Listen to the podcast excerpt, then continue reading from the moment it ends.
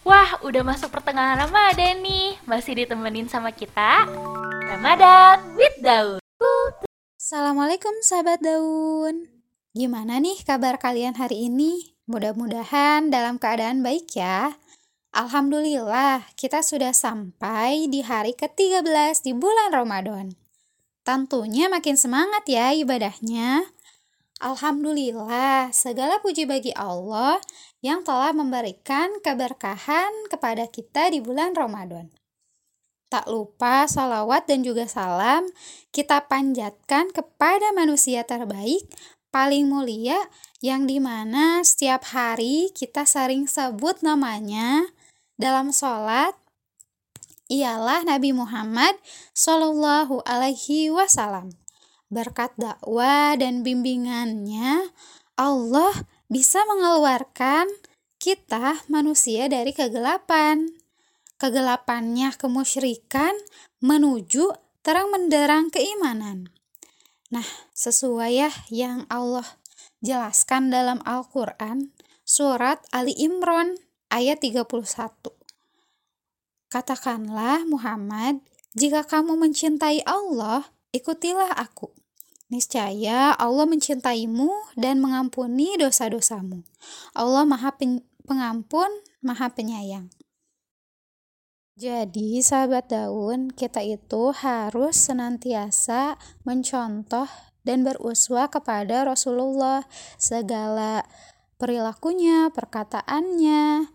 Jadi Rasulullah ini sebagai role model terbaik kita ya.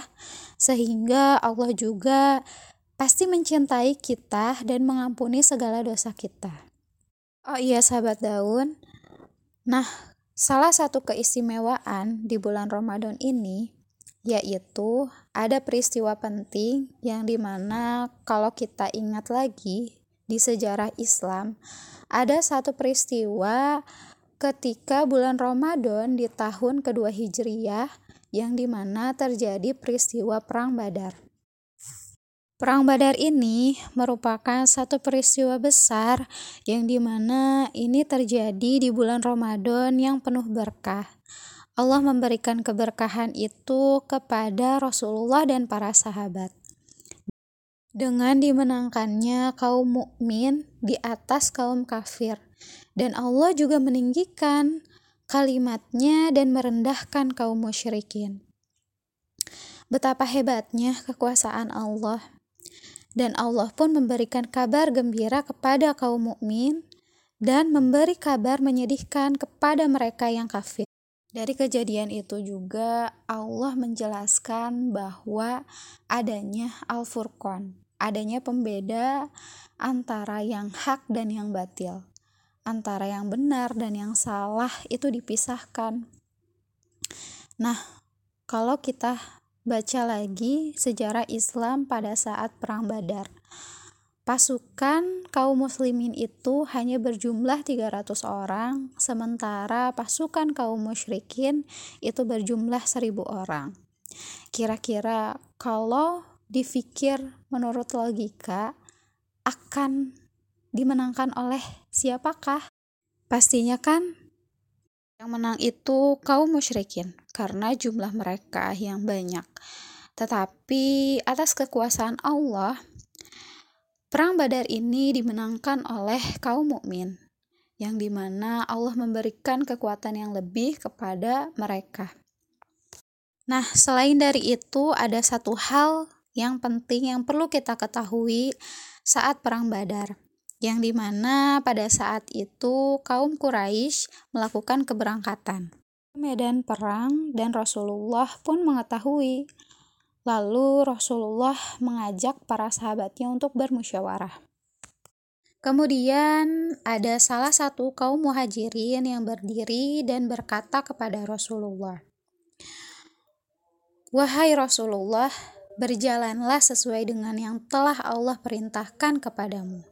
Demi Allah, kami tidak ingin seperti orang-orang Bani Israel yang mengatakan kepada Musa, Pergilah engkau bersama Robmu dan berperanglah kalian berdua.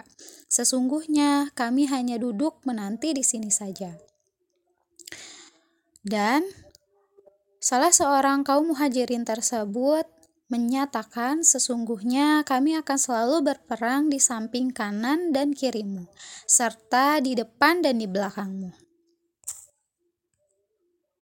Dan ada satu hal yang menjadi pembakar semangatnya Rasulullah pada saat perang Badar, yaitu ketika berdirinya pula Sa'ad bin Mu'az, seorang dari kaum Ansor, berkata, "Wahai Rasulullah, mungkin engkau menganggap kami orang-orang Ansor yang akan menggunakan haknya untuk tidak membelamu, kecuali di negerinya sendiri.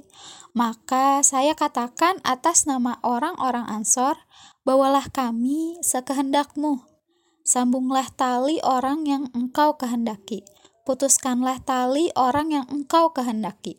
Apabila dari harta kami sekehendakmu, dan berilah untuk kami apa yang engkau kehendaki. Sesungguhnya, apa yang engkau ambil dari kami lebih kami cintai dari apa yang engkau tinggalkan. Maka perintahkanlah kami sekehendakmu, karena sesungguhnya kami akan mengikuti perintahmu. Wahai Rasulullah, seandainya engkau berjalan sampai ke Albik yang ada di Gamdan, tentu kami akan berjalan bersamamu. Seandainya engkau memerintahkan kami untuk mengarungi lautan ini, maka kami akan mengarunginya Tidaklah kami merasa berat apabila engkau memerintahkan kami untuk bertemu dengan musuh esok hari. Sesungguhnya kami akan bersabar ketika dalam peperangan dan jujur ketika bertemu dengan musuh. Semoga Allah memperlihatkan sikap kami ini kepadamu dan menenangkan jiwamu. Lalu berbahagialah Rasulullah atas apa yang kaum muhajirin dan kaum ansor utarakan. Masya Allah. Setelah itu Rasulullah dan para pasukannya menuju Badar. Nah sahabat daun, dari peristiwa penting perang Badar ini bisa kita ambil pembelajarannya bahwa ketika kita berpegang pada syariat, itulah kunci kejayaan umat Islam. Selain dari itu, Allah pun pasti memberikan pertolongannya kepada kaum muslimin apabila kaum muslimin mau menegakkan syariatnya Allah. Dengan cara kembali kepada Al-Quran dan As-Sunnah sebagai sumber kehidupan. Nah, sebaliknya, apabila kita sebagai kaum muslimin enggan untuk menegakkan syariatnya Allah, maka Allah pun akan membiarkan kita begitu saja. Nauzubillah. Jadi sahabat daun, kita harus berusaha untuk kembali menegakkan syariatnya Allah di muka bumi dengan melaksanakan setiap apa yang Allah perintahkan dan menjauhi segala apa yang Allah larang. Nah, mungkin cukup sekian ya sahabat daun. Semoga sharing kita hari ini bisa bermanfaat dan juga bisa menambah semangat kita di Ramadan kali ini. Tetap semangat ya sahabat daun. Terima kasih. Wassalamualaikum warahmatullahi wabarakatuh. Alhamdulillah, kamu sudah mendengarkan bersama Ramadan with Daun. Hai sahabat daun, tak terasa kita sudah masuk pertengahan Ramadan. Yuk maksimalkan Ramadan kita dengan kegiatan yang bermanfaat. Semangatkan lagi sedekah subuh dan isi puasa kita dengan beragam amal soleh. Sampai jumpa besok.